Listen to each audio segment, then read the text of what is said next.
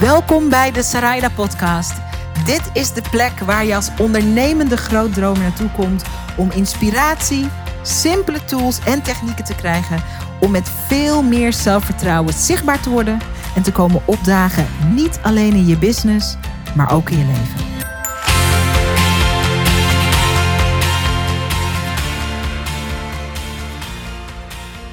Hoe komt het dat sommige mensen in het zichtbaar zijn of zichtbaarder worden. Een ongelofelijke vrijheid voelen, een ongelofelijke ontspanning voelen, een ongelofelijke bron van plezier voelen, terwijl het voor andere ondernemers en grootdromers een gevoel van onveiligheid creëert, een gevoel van hmm, ik stel mezelf bloot, ik ben kwetsbaar, een gevoel van het is misschien beter als ik het niet doe.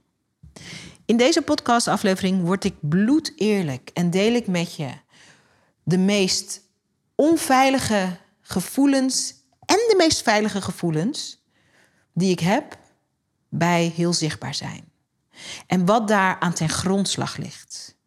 En het is een mooie podcast die je kan luisteren als je ontdekt van... Uh, ik zou meer van mezelf willen laten zien. Ik weet dat ik meer te geven en meer te brengen heb dan ik nu doe. Ik zie andere grootdromers en influencers en ondernemers die wel met veel meer gemak eigenlijk hard op zichzelf zijn. En ik zou willen weten hoe ik van ik vind het eng en ik vind het spannend en het voelt voor mij kwetsbaar en onveilig kan shiften naar het voelt vrij, het voelt heerlijk, het voelt inspirerend en het voelt alsof ik de wereld aan kan met mijn zichtbaarheid. Daar gaat deze podcast over.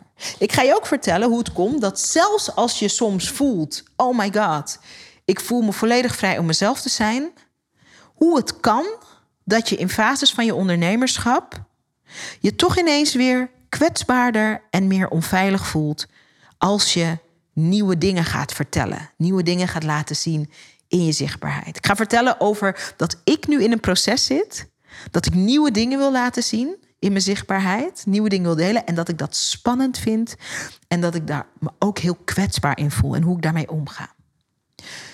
Voordat we erin duiken, wil ik je laten weten dat je op het juiste moment naar deze podcast luistert. Want as we speak is het mogelijk om je in te schrijven voor een gratis online coachweek met mij, waarin ik je aan de hand neem en waarin ik je ga laten zien hoe je snel met veel gemak en met veel meer plezier dan je je nu kan voorstellen, zichtbaar wordt, precies zoals je bent. Hardop zichtbaar zijn betekent hard op jezelf zijn.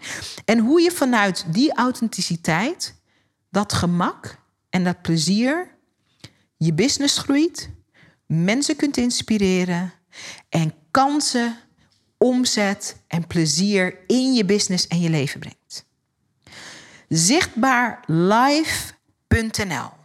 Dat is waar je gratis inschrijft. Zichtbaarlive.nl. Zichtbaar als in de Z-I-C-H-T-B-A-A-R L-I-V-E.nl. Zichtbaar live. Het is een perfecte kans om samen met mij aan de slag te gaan. Het is helemaal gratis om aan de hand te worden genomen door mij, maar ook door de geweldige community met ondernemers die zich al heeft aangemeld. Er hebben zich al veel leuke ondernemers aangemeld. En er zit een bepaalde kracht in als je samen in een kort tijdsbestek zo'n avontuur online aangaat. En het geeft antwoord op vragen als: maar wat moet ik dan laten zien? Maar hoe maak ik dan deze topics eh, bespreekbaar? Hoe weet ik wat ik wel moet laten zien en wat ik niet moet laten zien? Hoe ga ik ermee om dat ik angst heb voor kritiek? Al die vragen die maken dat je nog niet zo zichtbaar bent en nog niet zo uh, inspirerend bent als je kan zijn. Niet omdat je niet inspirerend bent, maar omdat je nog niet genoeg laat zien van wat jou inspirerend maakt. Al die vragen, al die twijfels, al die blokkades, of soms gewoon de praktische kennis die ontbreekt. Daar gaan we doorheen in de gratis training. Dus je bent eigenlijk uh, een dief van je eigen portemonnee en experience als je deze gratis uitnodiging aan je neus voorbij laat gaan. Je kan je aanmelden op zichtbaarlive.nl Je krijgt van mij, als je hebt aangemeld, helemaal gratis dat meteen een mailtje. Je krijgt van mij een prachtig werkboek met een aantal kant-en-klare videoscripts die je alleen maar hoeft in te vullen en waarmee je aan de slag kan. En je krijgt toegang tot onze community. En daar zie je een hele leuke groep andere ondernemers, grootdromers en ondernemers, die net als jij hun nieuwsgierigheid 1% belangrijker maakte dan hun twijfels, hun angsten, hun. Mm, mm, mm. En die dachten: wat de hel, ik ga dit gewoon doen. Hele, hele, hele, hele leuke groep is dat. En uh, je bent van harte welkom om te onderzoeken wat er mogelijk is voor jou. Zichtbaarlive.nl. Oké, en dan duiken we nu in de podcast. Meestal als ik een podcast opneem, heb ik van tevoren een helder idee over wat in elk geval de punten zijn die ik wil aanraken in die podcast. Maar vandaag neem ik een podcast op die echt vooral uit mijn gevoel komt en die alles te maken heeft met waar ik van word. ik wilde zeggen beschuldigd, dat is zo raar. Waarvan men zegt dat het mijn expertise is, namelijk zichtbaarheid. Uh, het is in elk geval wel een onderdeel van mijn passie. Expertise, uh, ja, omdat ik er veel uren en tijd en uh, vlieguren en ervaring in heb. Maar expertise is natuurlijk iets wat je kan betwisten. Maar het is iets wat ik heel belangrijk vind. En in de podcastaflevering van vandaag, die een improvisatiepodcast is, wil ik een inzicht met je delen wat ik net tijdens een meditatie kreeg over wat de aard is van um, ondernemers en grootdromers die zichtbaarheid ervaren met onveiligheid. En er is ook een grote groep ondernemers en grootdromers die zichtbaarheid ervaart als juist een veilige keuze. En als je luistert en je herkent, uh, of je hebt meer affiniteit met, oh ja, ik ervaar echt zichtbaar zijn met een onveiligheid, uh, dan betekent het niet dat je daar niet een switch of een shift in kan maken. En andersom is het ook zo dat als je uh, al zichtbaar bent, als je al video's maakt en podcasts maakt en blogposts schrijft, of wat ook jouw versie van zichtbaarheid is, en je daar altijd heel veilig in voelt, dan kan het zijn dat je, doordat je een ontwikkeling doormaakt in je business of in je leven, dat je ook weer in een fase kan komen waarin het weer even wat onveiliger voelt. Dus het is iets waar je in uh, kan bewegen, kan shiften. Dus het maakt niet uit of je op dit moment uh, ervaart: oh, zichtbaarheid is voor mij veiligheid of zichtbaarheid is voor mij onveiligheid. Weet dat dat een fluïde iets is. Ik ben, uh, zoals uh, sommigen van jullie wel weten als je me volgt op Instagram, um, we zijn bezig met een nieuwe gratis training die um, over een paar weken van wanneer ik dit opneem gelanceerd wordt. Uh, onze snel en makkelijk zichtbaar gratis coachweek is een gratis online coachweek over all things zichtbaarheid. Van 19 oktober tot en met 26 oktober uh, geef ik een aantal live trainingen. Ik heb daar een fantastisch werkboek bij gemaakt. En um, dan gaan we op verschillende levels, maar heel praktisch, aan de gang met uh, zichtbaarheid.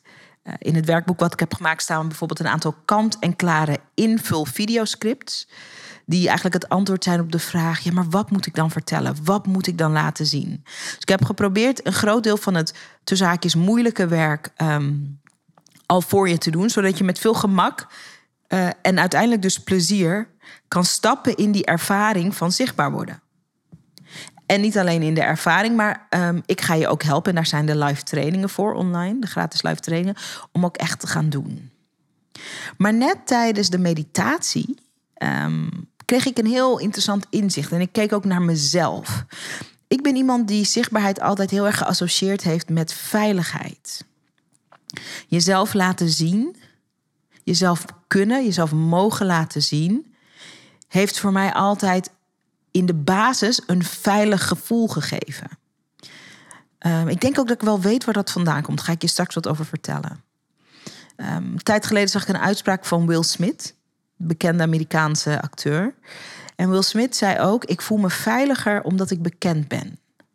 En uh, toen de reporter zei: Hoezo? Hoe werkt dat? zei hij. Um, als er iets met mij gebeurt, hij zegt: stel je voor dat ik eh, ehm, een keer zonder ehm, benzine langs de weg kom te staan in de nacht. En mensen herkennen mij, denk ik dat de kans groter is dat iemand een helpende hand uitsteekt. Hij zegt: die herkenning die ik vanuit mijn zichtbaarheid kan creëren, die zorgt voor mij gevoelsmatig voor veiligheid. Mooi vond ik dat.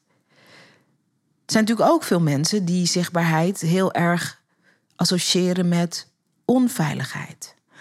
Als ik meer van mezelf laat zien, als ik echt ga vertellen wat ik echt vind van de dingen, wat ik echt voel, wat ik echt goed kan, waar ik echt voor sta, waar ik fel tegen ben, waar ik gepassioneerd voor ben, dan ben ik een target. Dan kunnen mensen wat van me vinden.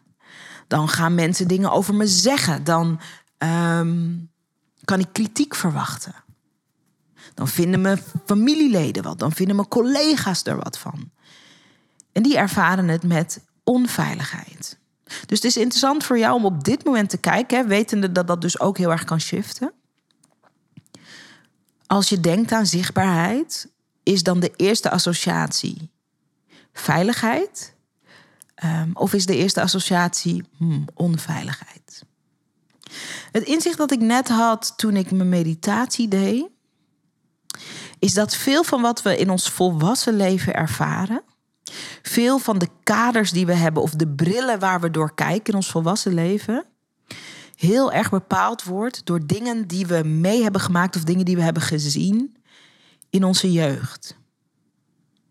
De reden dat ik bijvoorbeeld, of één van de redenen, er zijn verschillende redenen. Een van de redenen dat ik onzichtbaarheid associeer met onveiligheid, heeft te maken met uh, de eerste jaren dat ik op de basisschool zat. Ik heb dit verhaal wel eens eerder verteld, maar niet vaak. Dus misschien hoor je dit voor het eerst. Maar toen mijn ouders gingen scheiden, um, toen was ik zeven. En wij woonden ten tijde van die scheiding in een dorp. Een dorp tegen een klein stadje aan. En in dat dorp, wat een heel wit dorp was, waren mijn broertje en ik, voor mijn gevoel, maar in elk geval op onze uh, basisschool, de enige donkere kinderen. En wij hebben een jaar gehad dat we, en dat viel samen met de scheiding van mijn ouders. Ik ga zeggen, ik ga je zo vertellen waarom dat belangrijk is. Dat wij op die school elke dag als we daar naartoe gingen, um, eh, dat er vechtpartijen waren, dat mensen met ons wilden vechten. Kleine kindjes, hè? waren allemaal klein. Er waren scheldpartijen. Uh, we werden uitgelachen, er werd denigrerend over ons gedaan. Jullie zijn de kleur van poep. En um, wilden met ons vechten. En oh, jullie hebben raar vies touwhaar. Want we hebben kroeshaar. En dan werd er aan mijn haar getrokken. En wat ik me kan herinneren uit die tijd... is dat ik probeerde hulp te vragen aan de leraren. Want je hebt natuurlijk leraren op de basisschool. En dat mijn hulpvraag heel erg werd afgedaan als van... oh, stel je niet zo aan. Ze menen het niet zo. Het is gewoon een spelletje. Kijk, dit was in de jaren tachtig. Ik zal zeggen dat er dan... Ik kan me voorstellen... Of laat ik het zo zeggen, want ik heb er natuurlijk veel over nagedacht. Het was een andere tijd. Um, en tegelijkertijd is het zo dat wat ik beschrijf... er zijn nog steeds kinderen die varianten en versies van dit soort dingen meemaken. Wat ik uit die tijd heb meegenomen, is het gevoel onzichtbaar te zijn geweest. In die periode op de basisschool. Dus ik was toen zeven en acht. En omdat mijn eigen ouders um, in een scheiding lagen. En ik moet zeggen dat uh, dat geen vechtscheiding was. Dus soms hoor je dramatische verhalen van vechtscheidingen. Ik heb de scheiding van mijn ouders helemaal niet ervaren als een vechtscheiding. Dus ik vind dat ze dat heel knap hebben gedaan. Maar wat ik nog wel weet als klein hooggevoelig meisje. Want ik was altijd al een kind wat heel um, goed kon voelen als een ander. Dus dat kon een ouder zijn, verdriet had of pijn of het heel druk was in iemand anders zijn hoofd. Dat zijn van die dingen die horen bij hooggevoeligheid. En wat ik me kan herinneren is, ik wilde mijn ouders niet tot last zijn. Want ze hadden het al heel zwaar. Dit is echt hooggevoelige uh, Sarayda van 7 en 8. Dus wat ik deed, is ik vocht terug.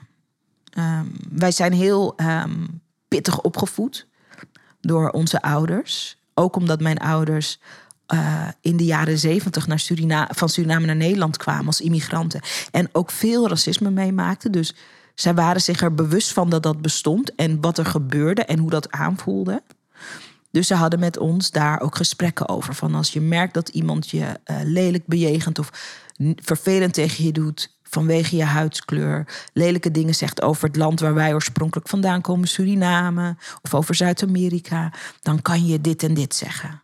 Of uh, dan moet je je realiseren dat ook al voel je je misschien, uh, ook al zijn er geen andere bruine kindjes, in de wereld zijn er heel veel bruine kindjes. Dus je bent niet alleen. Dus we zijn heel strijdbaar opgevoed daarin.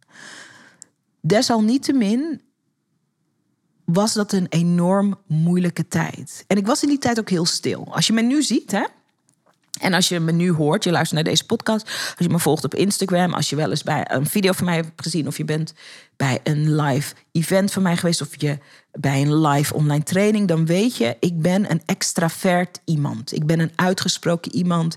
Ik vind het leuk om op een podium te staan, daar geniet ik heel erg van. Maar door de omstandigheden toen, en dat, dat was eigenlijk zo'n soort kind was ik ook. Maar door wat ik meemaakte, onder andere op dat schoolplein, werd ik stil en teruggetrokken. En mijn gedachte was: ik wil mijn ouders niet lastigvallen met het verdriet dat we hier meemaken en met de angst en de woede. Ik denk dat veel kinderen die uh, of racisme in hun uh, geschiedenis hebben meegemaakt, of, of misschien pesten, dat is eenzelfde soort dynamiek, maar dan op basis van andere karakteristieken, uh, dit misschien ook wel kennen. Dat je het een beetje voor jezelf houdt. En mijn afspraak met mezelf was: um, ik ga het zo goed mogelijk dragen. Ik ga er zo goed mogelijk proberen mee om te gaan. Wat eigenlijk heel onnatuurlijke reacties voor een zevenjarige. Maar wat ik me heel helder kan herinneren aan gevoel, is dat ik me onzichtbaar voelde. Op dat schoolplein, waar ik alleen maar een kleur was en niet een mens. Of ik was alleen maar dat meisje met dat rare haar en niet een mens. Maar ook door die leraren. Die zeiden: stel je niet zo aan. Terwijl ze ook heus wel zagen wat er gebeurde.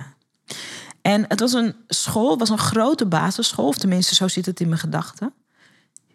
Eh, ik denk als ik terug zou gaan, dat ik zou denken ben een paar jaar geleden terug geweest. Wel wat langer dan een paar jaar geleden. Toen zag ik die school. dacht ik, huh? is helemaal niet zo groot. Maar destijds ervaar ik het ook als een grote school. En omdat mijn broertje en ik zit natuurlijk een aantal jaren leeftijdsverschil tussen ons. En um, ik, ik, mocht, ik, ik speelde op een ander stukje um, um, speelplein. Uh, heet dat zo, speelplein? Nou ja, goed, op een ander stukje van uh, het, het, het, speelplein dan hij. Omdat de groepen bij elkaar waren verdeeld. Dus het was ook zo dat wij samen op die school zaten, maar dat we elkaar niet konden helpen. En dat was ook een van de dingen die ik het ergst vond. Dan zag ik iets met mijn broertje gebeuren en dan was ik zo, voelde ik me zo machteloos. En mijn ervaring is toen ook gevormd, onder andere, zijn natuurlijk ook andere dingen gebeurd, maar god, dan wordt dit ineens een podcast van negen uur. Mijn ervaring was onzichtbaarheid is onveiligheid. Nu inmiddels is het natuurlijk jaren later. Ik ben nu 38, dus het is echt meer dan 30 jaar geleden. Um, maar nog altijd is mijn basisovertuiging dat onzichtbaarheid onveiligheid betekent en zichtbaarheid veiligheid. Dat is mijn basisovertuiging. Waar ook wel eens wat in shift hoor.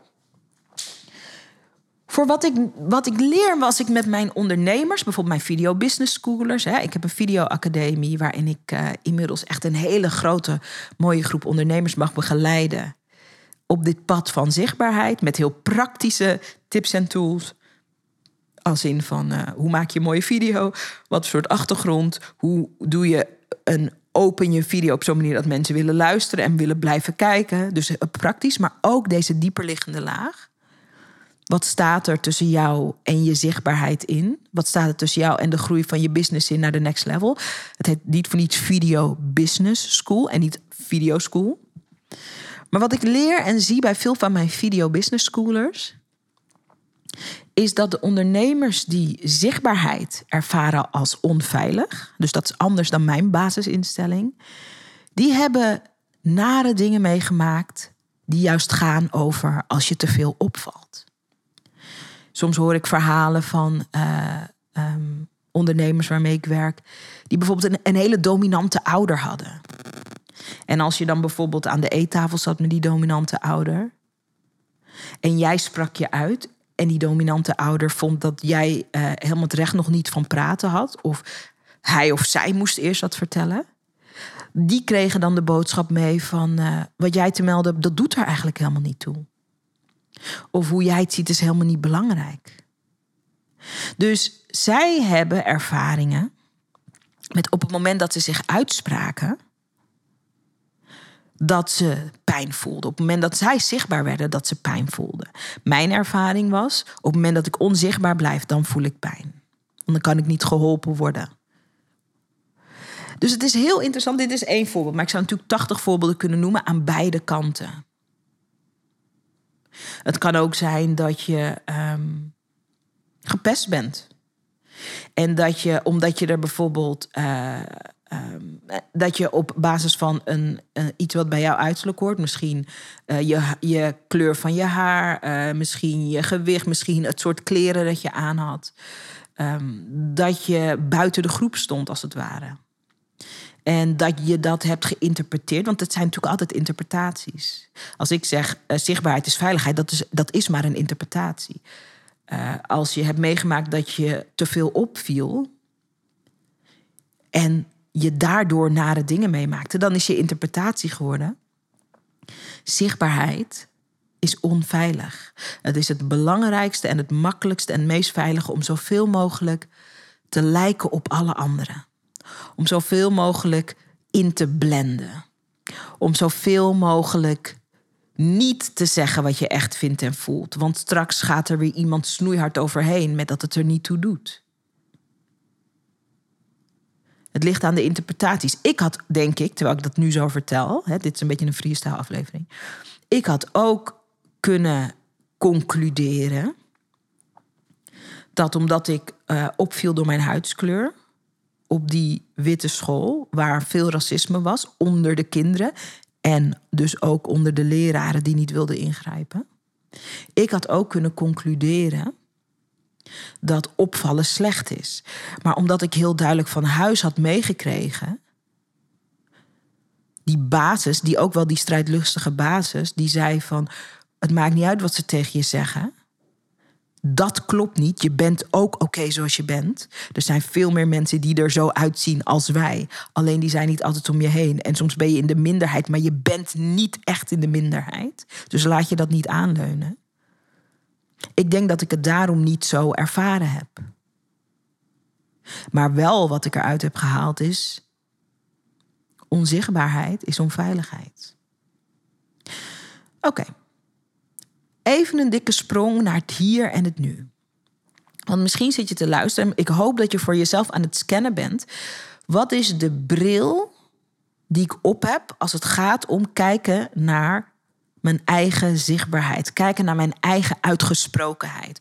Kijken naar de ruimte die ik mezelf bied om hardop te zeggen wat ik vind en wat ik voel. En wat ik dus echt vind en wat ik voel. Ik hoop dat je voor jezelf aan het scannen bent van in deze tweedeling, en het leven is natuurlijk nooit een tweedeling of nooit zo zwart-wit, maar in deze tweedeling, waar, waar associeer ik me als eerste mee? als je dat uitzoekt, is het interessant om ook weer terug te komen naar het hier en het nu. Want als je deze podcast luistert, is de kans groot dat je een ondernemer bent of wil worden. De kans is ook groot dat je uh, iemand bent die wil leven of leeft vanuit zijn of haar hart. De kans is ook heel groot dat je goeds wil brengen voor de mensen om je heen in de wereld. Misschien heb je daar wel een missie of een visie over. Misschien is het helemaal niet zo uitgesproken en is het meer een gevoel. Het zou allemaal kunnen. Maar wat het ook is, of hoe het ook in je leeft, om het in de wereld te zetten, die droombusiness, dat volgende level in je huidige business, Die goede ideeën die je hebt, misschien wel over gezondheid, misschien wel over de liefde, misschien wel over ondernemen, misschien wel over hoe we onze kinderen mogen gaan opvoeden, misschien wel over spiritualiteit en de tijd waarin we leven, misschien wel over gelijkheid, wat ook je thema is. Gezondheid, volgens mij zei ik dat al. Om dat goed wat je te brengen hebt in de wereld te zetten, om daarmee op een positieve manier anderen te inspireren, wordt van je gevraagd dat je zichtbaarder wordt. Als het alleen maar leeft in je hoofd, kan het nooit boven je uitstijgen. En zichtbaar worden gaat daarover. En dan horen er tools bij zichtbaarheid. Dit is een podcast waar je naar luistert. Nou, een podcast beginnen is een vorm van zichtbaarheid. Video's maken is een vorm van zichtbaarheid. Verschijnen in de media is een vorm van zichtbaarheid. Um, op LinkedIn blogartikelen schrijven is een vorm van zichtbaarheid. Wat ook jouw vorm is. Op Instagram leuke verhaaltjes maken is een vorm van zichtbaarheid. Het maakt niet uit wat de vorm is. Die zichtbaarheid is nodig om dat goeds wat je in je hart hebt in de wereld te zetten. als ik bijvoorbeeld kijk naar mezelf, het is mijn enorme missie om vooral vrouwelijke ondernemers, omdat dat is de groep die zich ook het meest aangetrokken voelt tot mij. Dat betekent niet dat al mijn klanten alleen maar vrouwen zijn. Sommige van de leukste, meest inspirerende mannen in het Nederlandse ondernemerslandschap zijn ook mijn klant. Maar wat ik merk is dat over het algemeen grootdromende, ondernemende vrouwen. Die iets in hun hart hebben wat ze in de wereld te zetten hebben. Dat die mij en mijn werk vinden. En mijn missie is om je te helpen om bloedeerlijk, als jezelf, met wat je echt vindt en voelt, met je ervaring, met je expertise, maar ook met je menselijkheid, lees hier je imperfectie, daar echt 100% in te komen opdagen. En dat betekent voor verschillende mensen verschillende dingen. Maar het heeft altijd te maken met een vorm van zichtbaarheid. Soms betekent dat dat je je uit mag gaan spreken tegen je binnenkring. En die ene vriendin die altijd uh, uh, grapjes maakt die eigenlijk helemaal niet grappig zijn. En waarmee ze eigenlijk afbreuk doet aan het moois wat jij te brengen hebt. Dat je tegen die vriendin zegt: even niet meer die grapjes van jou. Ik pik dat niet. Dus het gaat over grenzen zetten ook. Voor een ander betekent het weer dat het tijd is om die podcast te gaan beginnen. En dat je gaat delen en dat je gaat vertellen vanuit je hart hoe jij het ziet. Voor de mensen die jij wil helpen, voor de mensen die, waar jij een verschil voor wil maken. Dat betekent dat je uitgesproken dan mag worden. Voor weer een ander betekent het dat je eindelijk die videoreeks gaat maken. En dat je je kennis gaat delen. Maar dan moet je er misschien wel overheen dat uh, de camera jou in beeld brengt. Jouw echte hoofd. jouw echte stem vastlegt. Het maakt niet uit wat de vorm is. Maar de missie van mij en mijn bedrijf, en daarmee ook de missie van mijn team, is dat wij die safe space, maar ook die schop onder je kont zijn, om je aan te moedigen om echt te komen opdagen in je business en het leven dat aan die business vastzit. Want die tweedeling, oh, dit is mijn business, dit is mijn leven, is, is er vaak helemaal niet echt. Tuurlijk hoef je niet alles te delen, doe ik ook niet. Tuurlijk hoef je niet alles te laten zien, dat doe ik ook niet. Ik kies. Er bestaat zoiets als privacy. En een van de krachtigste dingen die je te doen hebt in je zichtbaarheid is te bepalen: dit is private en dit deel ik met de wereld.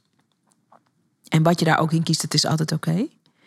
Maar het gaat erom dat je komt opdagen met wat je deelt en ook met wat je voor jezelf houdt als je echte zelf. Omdat dat is ook wat een business nodig heeft om echt, echt te kunnen groeien. Dat is wat jij nodig hebt om ook echt dat verschil te kunnen maken. Maar het is belangrijk dat je weet welke blok je aan je been hebt. en we hebben altijd een blok of een blokje of een piepklein, een piepklein blokje aan ons been als het gaat over zichtbaarheid. Omdat de aard van wat we ervaren rond zichtbaarheid geworteld ligt in onze jeugd. En dingen die we meemaken. En in verschillende fases van je leven en in verschillende fases van je ondernemerschap moet je soms weer opnieuw komen tot: hé, hey, waar sta ik nu eigenlijk? Zoals ik al zei, het is een fluïde proces. Wat de intentie is in dat onderzoek, en dit is waar ik ondernemers mee help. En daarom vind ik het zo mooi. Um, Video Business School is zo'n mooie omgeving, omdat er zijn heel veel, en dat is allemaal oké, er zijn heel veel uh, zichtbaarheidsexperts, zeg ik tussen aanhalingstekens, net als dat ik over mijn eigen expertise zeg, ik zeg aanhalingstekens, die je alleen de praktische kant leert. Dit is hoe je een video maakt. Of uh, dit is hoe je een uh, goede blogpost schrijft. Dan moet je zo maak je een goede headline. Of um, dit is de techniek die je nodig hebt voor een podcast. Dit is het soort microfoon dat je moet gebruiken. Dit is hoe je je podcast op iTunes krijgt of op Spotify. En dat is een hartstikke goed stuk informatie. Alleen het is ongeveer maar 20% van wat maakt dat je straks ook echt komt opdagen. Het is de 20% die um, boven het uh, wateroppervlak ligt. Ik heb het wel eens vaker over deze metafoor. Um, denk Titanic, denk ijsberg. Uh, waarom waren ijsbergen. waarom was de ijsberg zo funest voor de Titanic? Waarom is de Titanic gezon gezonken? Wat is de aard van een ijsberg? De aard van een ijsberg is dat 20% van wat wij zien Hè, dus wat boven het wateroppervlak ligt. Dat is maar 20% En daaronder, soms heb je... Ik weet niet of je dat plaatje wel eens hebt gezien. Moet je maar eens googlen. Daaronder zit 80% onder het wateroppervlak. Wat we niet zien. Daarom kon de, de, de meest niet te zinken boot toch zinken. Omdat we maar als mens zien we maar 20% en dat, het stukje dat boven het wateroppervlak is. Dat geldt, die metafoor geldt voor alles, is mijn ervaring. Dus die 20% van hoe, hoe je een video maakt, hoe je een podcast maakt, hoe je een blogpost schrijft, hoe je vervolgens vanuit die zichtbaarheid klanten krijgt voor je business, dat is maar 20%. En dat is niet de 20% die alle verschil maakt. Die 80% die onder het wateroppervlak is, dat heeft te maken met allerlei dingen. En een van de dingen die onder dat wateroppervlak zit, is dit thema wat we bespreken. Wat is je basisgevoel bij zichtbaarheid?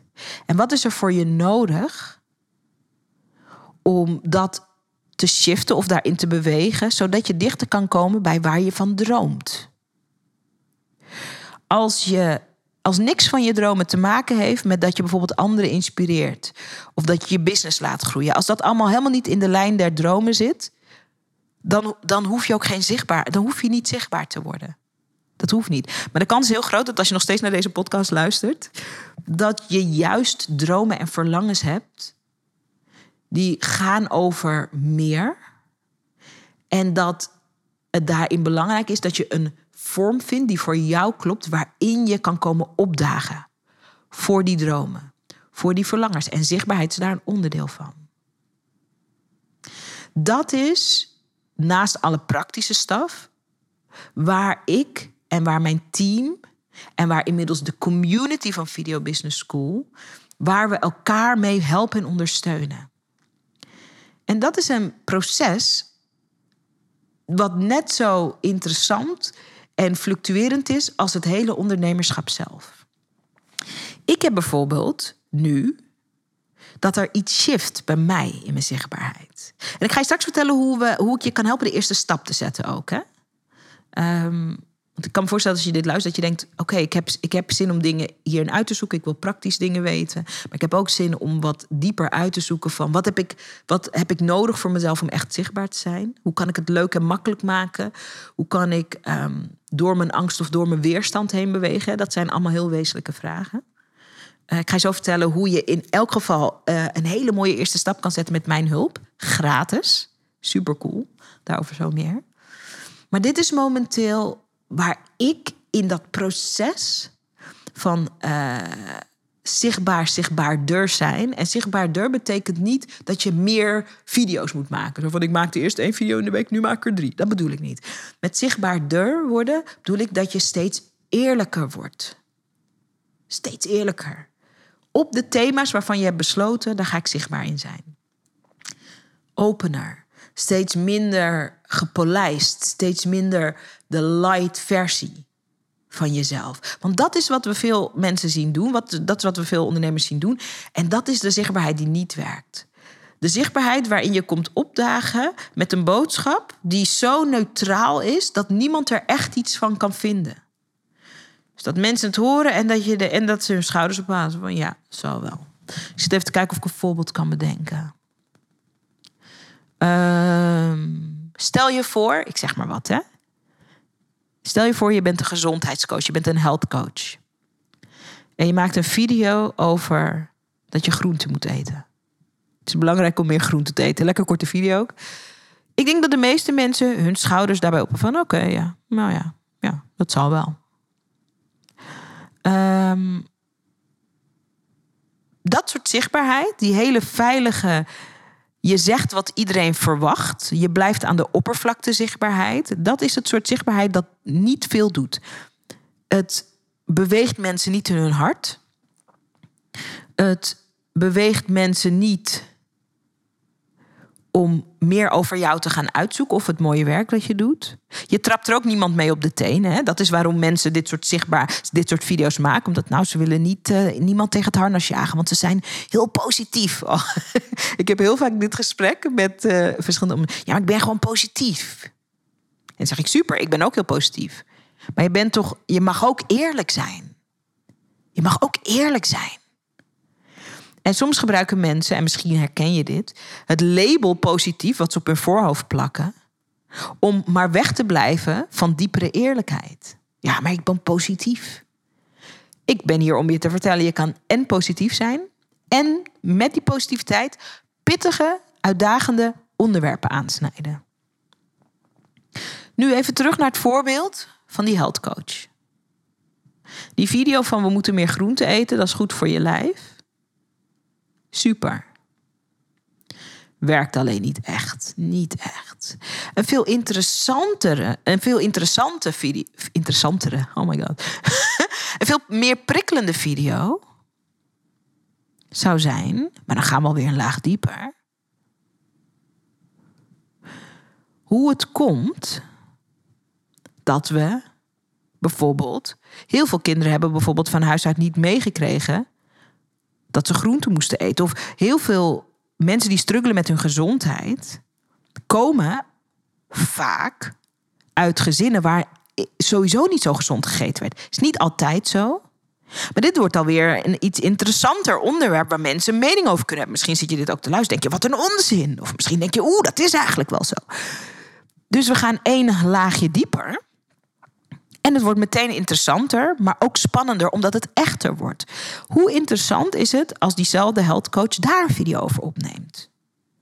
En dan heet de video niet je moet meer groente eten, maar dan heet de video je eet niet genoeg groente en dit is hoe dat komt. En dan tussen haakjes, en dan, dat is dan een grapje. Uh, blame your parents. Maar dat is dan een grapje. Ik zeg erbij omdat het, een titel van een video mag soms best prikkelend zijn. Juist omdat er in de video meer nuance zit. Want of course ga je als volwassene niet je ouders blamen. Maar het is wel heel interessant om te kijken waar komen patronen vandaan. Of een andere interessante video voor die health coach. En ik improviseer gewoon maar wat hè. Zou kunnen zijn over waarom je, waarom je heel veel groente eet en toch niet gezond bent. En dat zou kunnen gaan over dat als je en ik weet, ik ben geen healthcoach. Hè, dat, maar als je groente eet, maar je beweegt bijna niet. Eet ook veel junkfood. Dus groente. En dat het, dat het uiteindelijk niet al te veel uitmaakt. Dat zou een voorbeeld kunnen zijn. Ik heb mezelf, de reden dat ik dit als voorbeeld neem, is dat ik heb periodes gehad dat ik heb elke dag een groene smoothie. Bijna elke dag eet, drink ik een groene smoothie. Uh, maar er zijn ook periodes dat ik heel ongezond eet, omdat ik echt een Bourgondier ben. Ja, dan kan ik mezelf uh, um, als het ware een soort misleiden met... nou, ik heb een groene smoothie en ik heb ook vet McDonald's gefroten. En dan vind ik het fijn als een healthcoach zegt... hey, stop fooling yourself. En laat op een dieper level kijken over waarom je ook uh, junkfood vreet. Snap je? Maar die eerlijkheid die prikkelt. Maar je moet dat wel durven. Je moet wel komen opdagen daarin. Die middle of the road, ik vertel niet echt iets, uh, want ik wil niet dat mensen het oneens met me zijn. Zichtbaarheid is not gonna bring it.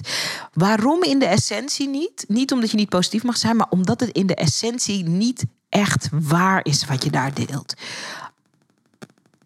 niet echt waar. Je hebt een, af, een gepolijste light versie van jezelf gemaakt.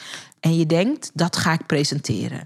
In de hoop mensen te inspireren. In de hoop mensen anders te laten kijken. In de hoop mensen uit te nodigen om meer van je te leren, meer met je te doen. Uh, in de hoop dat mensen je diensten en producten gaan kopen. In de hoop dat mensen je coaching gaan afnemen of in je online programma stappen. Maar je komt niet echt met eerlijkheid op de proppen. En dan werkt het dus niet. En de reden dat je niet echt met eerlijkheid op de proppen komt, is niet omdat je oneerlijk bent, natuurlijk niet. Maar het is omdat je die eerlijkheid associeert met onveiligheid. En op dat level moeten we dan dus ook aan de slag. Want zolang je in die overtuiging bent, nou als ik echt eerlijk ben, als ik echt mezelf ben, nou dan krijg ik kritiek of dan schrik ik mensen af of dan wil niemand mijn uh, producten of mijn diensten. Zolang je in die onbewuste modus zit, creëer je niet wat je wil. En dit is een proces. Ik vind dat ook een van de prachtigste processen van het ondernemerschap. Want als je het zo bekijkt, dan is je ondernemerschap en je zichtbaarheid een uitnodiging om meer hard op jezelf te zijn. Wauw. En wat een mooie bijkomstigheid dat hard op jezelf zijn je business groeit. Wow, wat cool. Maar we mogen onszelf wel toestemming geven om meer onszelf te zijn. En dat is waar we je bijvoorbeeld ook bij helpen in Video Business School. Nou, dit proces, dit, dit waarachtige proces van die zichtbaarheid, is iets waar je uh, mee mag beginnen. Ik ga je zo vertellen hoe. En het is een soort dans, een soort tango, waar je ondernemersleven uh, mee mag dansen. En je als je ermee aan de slag gaat, ga je merken dat het leuk is. Voorbeeld nu van mij.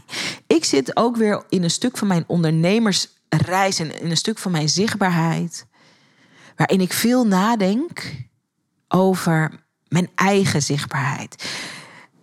Vanaf het begin van mijn ondernemerschap, dat is nu zeven jaar geleden, tot aan nu, heb ik me altijd heel liefdevol, heel open uitgesproken over all things zichtbaarheid. Dus uh, ik heb een achtergrond in de tv. Ik werkte als programmamaker en presentator. Eerst bij MTV, toen bij BNN. Ik heb daar heel veel geleerd over verhalen vertellen en over zichtbaar zijn. Als ondernemer heb ik veel geleerd en leer ik nog steeds. En daar deel ik van alles over. Maar een van de dingen waar ik bijvoorbeeld nu meer over wil delen. En wat eigenlijk niet één op één in dat hokje past van zichtbaarheid. Dat heeft er wel mee te maken, maar het is niet hetzelfde is de dingen die ik doe en laat om op te komen dagen in mijn leven en in mijn ondernemerschap vanuit een enorme bergkracht. Ik heb, en sommige van die dingen begin ik nu steeds meer te delen op Instagram. En het is ook grappig, omdat uh, zijn mensen die het leuk vinden, zijn ook mensen die het raar vinden mensen die er een mening over hebben. en mensen die zeggen: Oh my god, dit is fantastisch, tell me more. Dus er is ook meer polariteit. Of polariteit is dat het. Uh, polarisatie is het betere woord. Maar een van de dingen die nog niet zo zichtbaar is, is dat ik als nummer één prioriteit heb. Nog meer dan uh, hoe ik mijn business run, is dat ik. Um, mijn gevoelsleven gezond hou. Mijn mental health. En dat is voor mij de basis voor alles. Hoe ik onderneem, wat voor moeder ik ben, hoe ik met mijn vrienden omga, hoe ik in mijn familie sta. En daar doe ik allerlei dingen voor. En ik weet dat dat voor ondernemerschap en voor je dromen najagen en je droombeleven heel belangrijk is. En ik vind dat ook spannend om daar meer van te delen. En het gaat over dingen waar ik veel over te vertellen heb. Bijvoorbeeld, ik zit even te kijken of ik een voorbeeld kan bedenken. Nou ja, ik ga je een gek voorbeeld geven. Maar dat zijn dus van die dingen waar, waar ik veel meer over zou willen delen. Sommigen van jullie weten dat. Ehm, ik werd een paar jaar geleden moeder. En vlak nadat ik bevallen was, werd ik een alleenstaande moeder. Inmiddels ben ik uh, in, een, uh, in een mooie co-ouderschapssituatie met de vader van mijn dochter. Maar het is natuurlijk zo dat als je uit elkaar gaat met een baby, dat er veel dingen niet goed zaten. Anders ga je niet uit elkaar. Het is namelijk de tijd, als je net een kind hebt gekregen, dan dat is als vrouw, heb je dan behoefte aan zorgzaamheid, aan ondersteuning. Je bent kwetsbaar. Ik was op mijn kwetsbaarst toen ik net mijn kind had gekregen. Dus dat ik toen uit elkaar ging met de vader van mijn dochter, was een enorm traumatische ervaring. Enorm traumatisch. Nou, ik heb daar wel eens wat over gedeeld. Ik ben gewoon open. Dat is bedoel ik met ik kom echt opdagen met wat er is.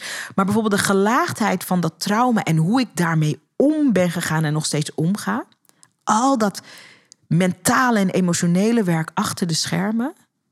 Daar zou ik veel meer over willen delen. Omdat ik zo dankbaar ben dat ik daar een aantal hele belangrijke lessen in heb geleerd. een voorbeeld was dat uh, ik nam in die tijd een coach in de hand. Omdat een van de dingen die ik me besefte was dat het verdriet en het trauma wat ik ervaarde, nam heel veel uh, energie in beslag. Logisch. Ik was ook nog aan het wennen uh, aan mijn leven met mijn dochter. Ik ben voor het eerst moeder. Nou, dat neemt al heel veel. Dat voor iedereen die een kind heeft gekregen of iemand kent die een kind heeft gekregen en je hebt dat vanaf de zijlijn of in de experience meegemaakt, dat is een enorme shift. En ik had in die tijd het gevoel alsof ik, um, alsof ik langzaam uh, verdronk, als het ware. Alsof elke dag het water me iets meer aan de lippen stond. Was, ik vond, dat was een heel heftig tijd. En ondertussen had ik ook mijn business. Ik had zo'n geweldig team ook zitten. Die mij hielp de business draaiende te houden. Zodat ik ook echt me kon concentreren op mijn fysieke, maar ook emotionele herstel. Maar het was heel zwaar.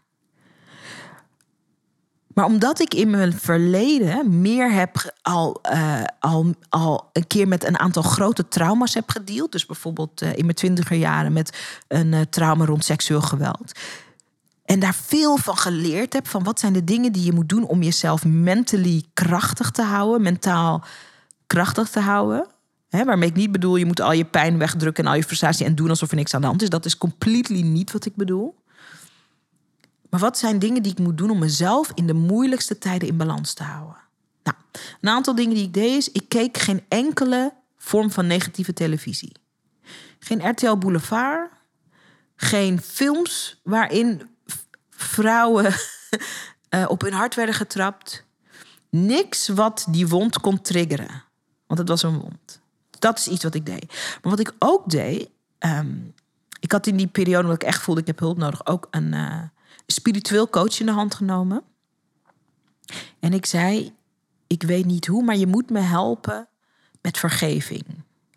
Ik wil mezelf vergeven. En ik wil uh, die ander vergeven. En ik zat nog vol met woede en verdriet en ook van alles wat je voelt hè, als, als je uh, zo'n breuk doormaakt. En ik zei, ik weet niet hoe ik op het punt kan komen dat ik echt vanuit mijn hart kan vergeven. Ik weet niet hoe lang het duurt, maar ik weet dat dat prioriteit heeft. En ik wist dat omdat ik terug uh, naar toen ik in mijn twintig jaar mijn seksueel geweldtrauma verwerkte. Daar heb ik toen ook professionele hulp voor gehad. Heel waardevol. Ik wist dat als ik dat niet zou doen, die vergeving, en ik zou in die.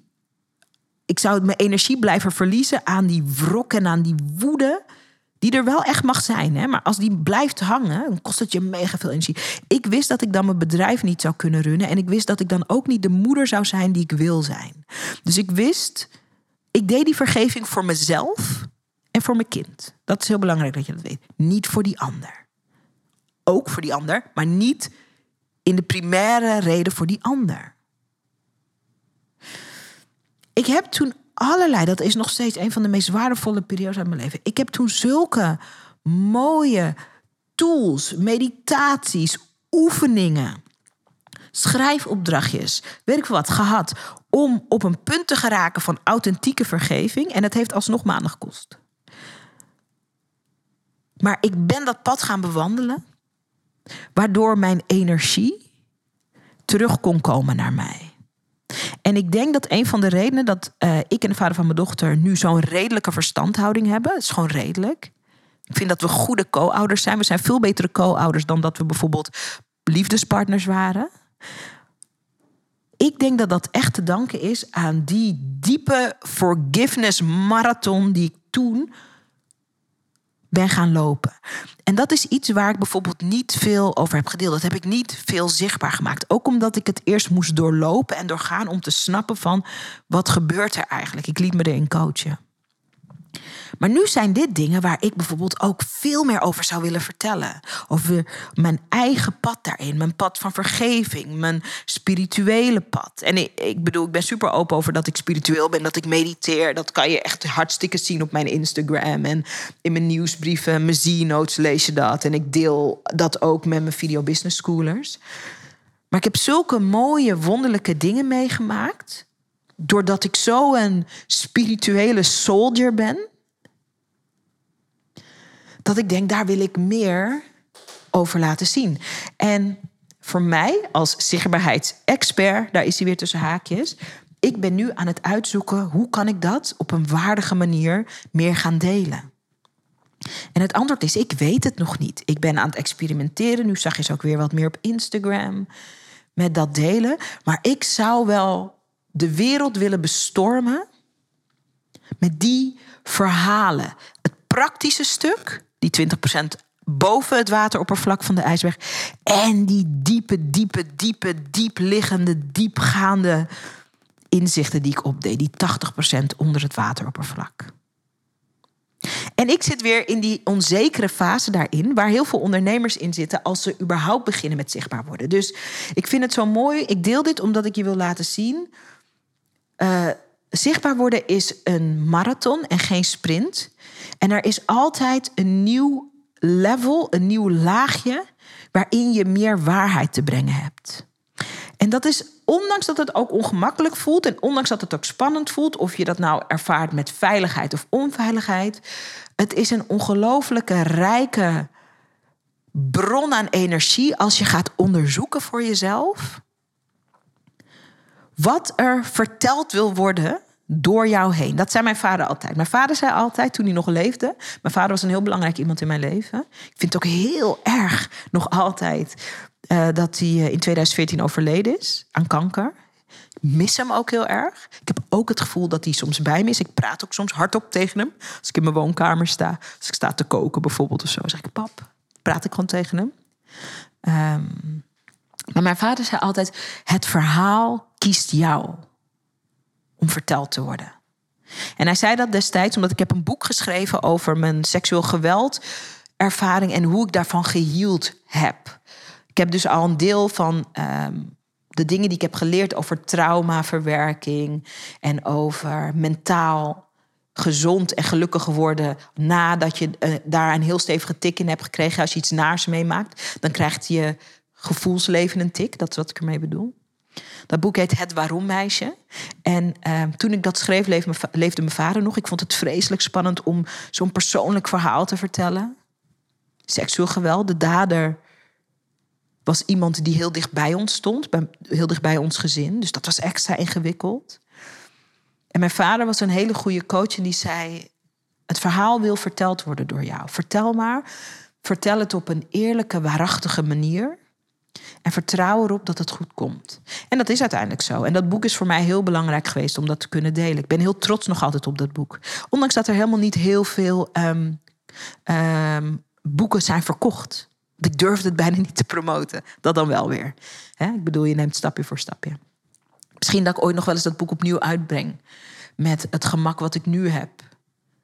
Om vanuit mijn zichtbaarheid mijn verhaal te doen. Misschien dat ik dat wel doe. Ik weet het niet. Maar ik vertel het omdat de dingen die je meemaakt, de dingen die je leert, de dingen waar je misschien op dit moment nog over schaamt, de dingen waarvan je denkt, oeh, dit is anders aan mij. De dingen waarvan je denkt, oeh, dit weten niet veel mensen van mij. De dingen die misschien anderen niet zo goed snappen. De dingen die jij misschien niet zo goed snapt van jezelf. Juist al die dingen en in de vorm en in de stijl die voor jou past. Maar die zijn onderdeel van jouw zichtbaarheidspad. En dat betekent nogmaals niet dat je je leven moet uitbraken over het internet. Helemaal niet. Of dat je alles moet vertellen. Dat je alles moet laten zien. Helemaal niet. Maar er zijn dingen, en dat voel je aan je onderbuik, waarvan je intuïtief weet.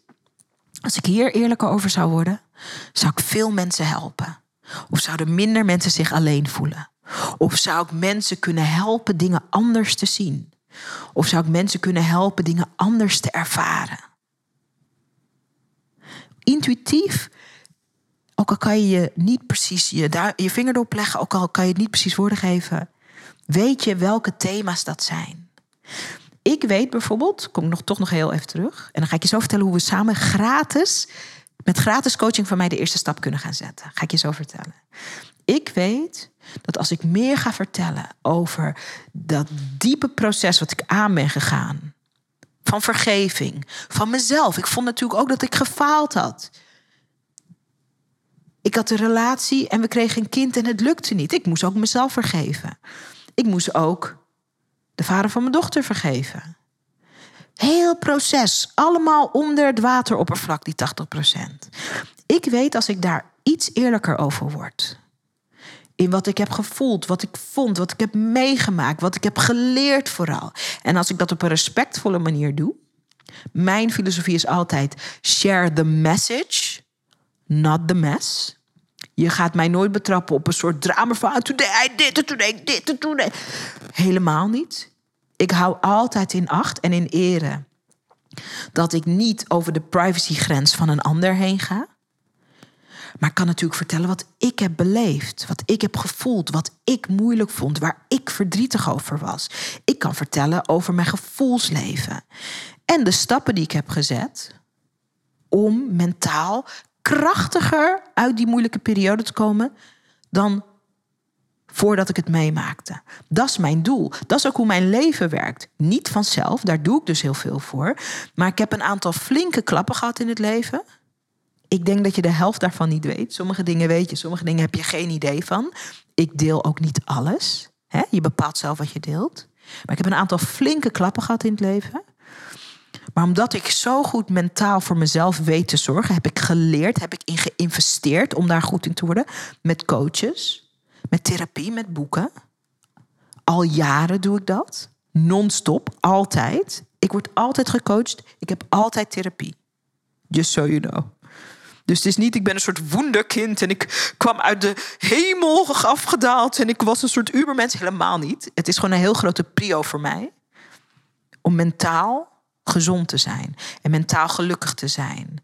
En om sterker te worden van het leven in plaats van dat het leven me afbrokkelt. Snap je wat ik bedoel? En mijn grootste motivatie is mijn kind. Maar ook toen ik mijn dochter nog niet had, was mijn grootste motivatie was dat ik ooit kinderen wilde. Ik dacht, ik wil iemand zijn die krachtig in het leven staat. En die gezond in het leven staat. En die met een open hart, nog altijd een open hart vol liefde in het leven wil staan. dat vraagt lef. Dat komt niet vanzelf. Dat komt niet aanwaaien. Niet per se. Soms wel, soms niet.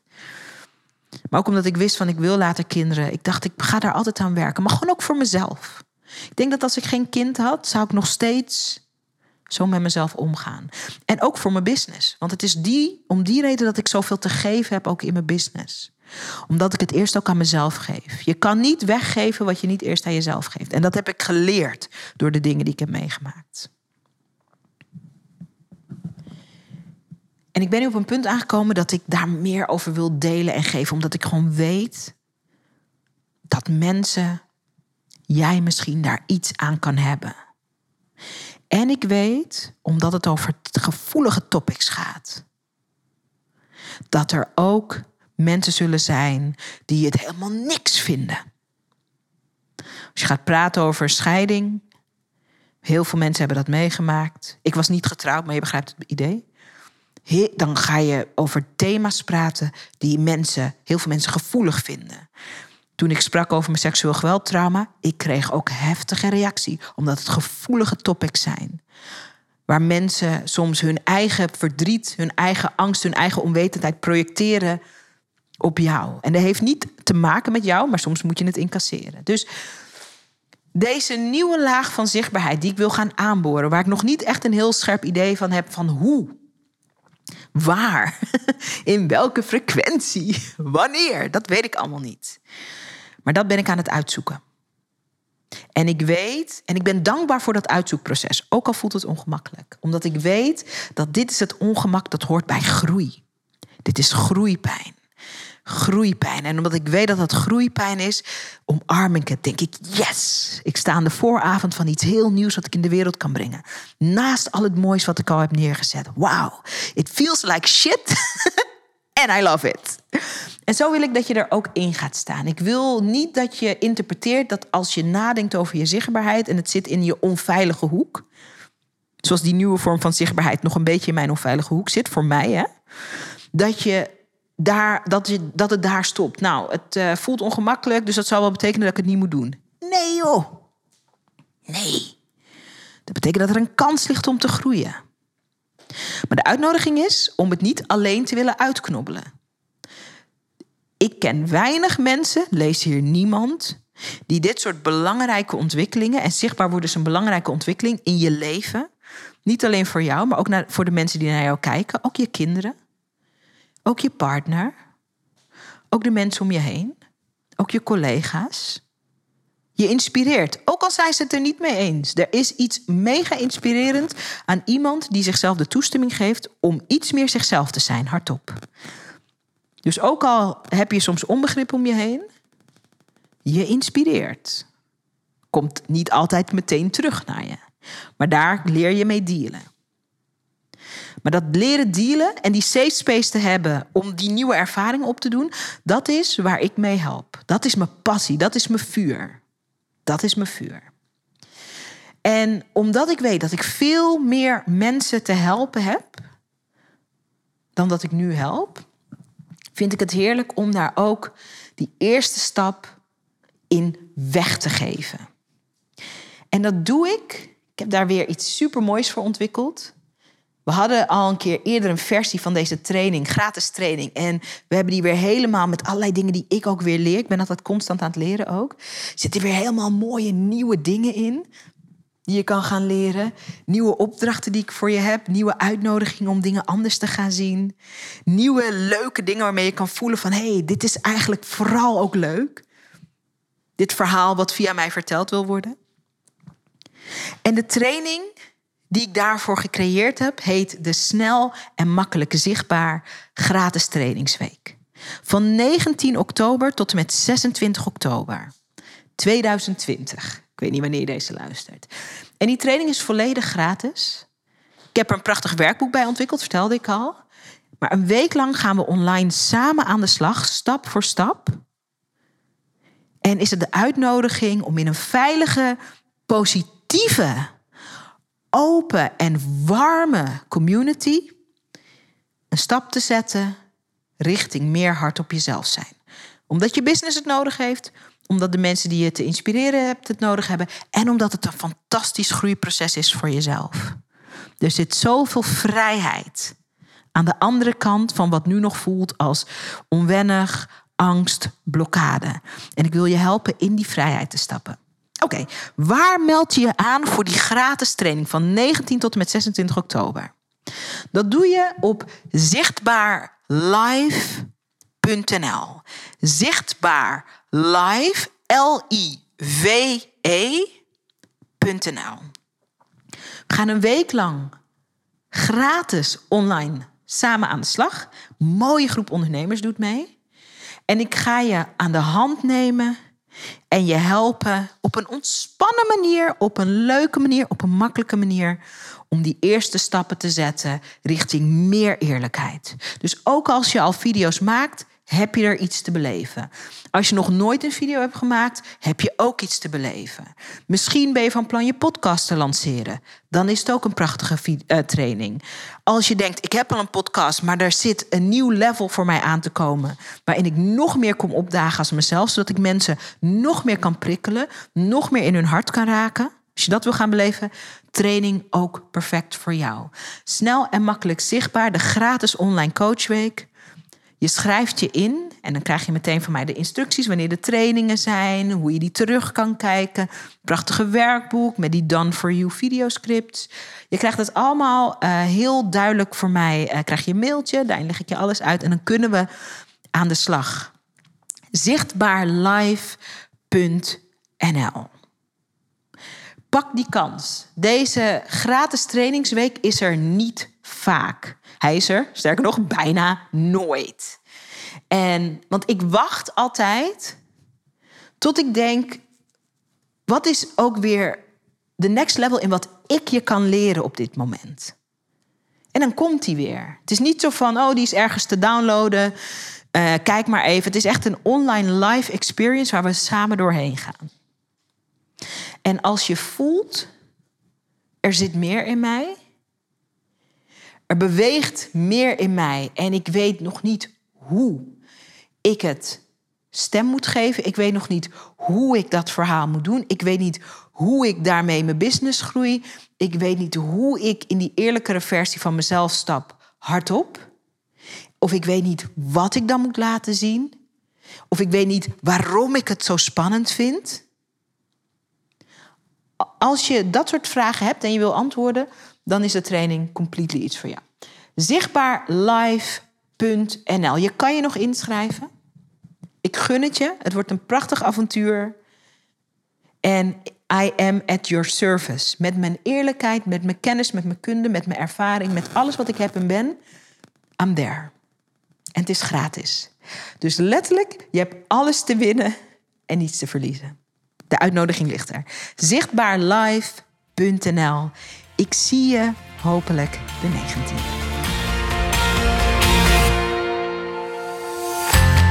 Tof dat je weer naar een aflevering van de Sarayda podcast geluisterd hebt. En ik ben benieuwd wat je beleefd hebt. De intentie van deze podcast is om je in te smeren, te bombarderen met good stuff, met goede inzichten, met goede verhalen, met goede inspiratie, zodat je in actie komt. En ik wil weten hoe je het beleefd hebt. Kom het me vertellen op Instagram. Ik heet gewoon Zaraida Groenart op Instagram.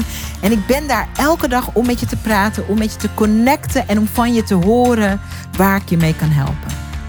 Dus kom connecten op Instagram. Zaraida Groenart heet ik daar. En laat me weten wat je van de podcast vindt. En als je dan toch bezig bent, wil ik je ook meteen even een kleine favor vragen. Want om deze podcast bij miljoenen ondernemers bekend te laten worden, zodat we heel veel mensen kunnen inspireren en helpen. Want dat is natuurlijk mijn bescheiden intentie van deze podcast. Heb ik je nodig. Je zou me ontzettend helpen door een bloedeerlijke review op iTunes achter te laten over wat je van deze podcast vindt en of je er iets aan inspiratie uithaalt. Hoe meer reviews we hebben, goed of slechte reviews, maakt me ook bijna niet uit eerlijk gezegd, hoe meer mensen de podcast kunnen vinden. En ik ben nieuwsgierig naar wat we voor jou kunnen betekenen met de podcast. Dus als je een minuutje over hebt, zou ik het heel tof vinden als je je bloedeerlijke mening over deze podcast achterlaat op iTunes. Ik bedank je, ik bedank je, ik bedank je. En ik spreek je hopelijk snel op Instagram of ik hoor je bij een volgende podcast. Dankjewel.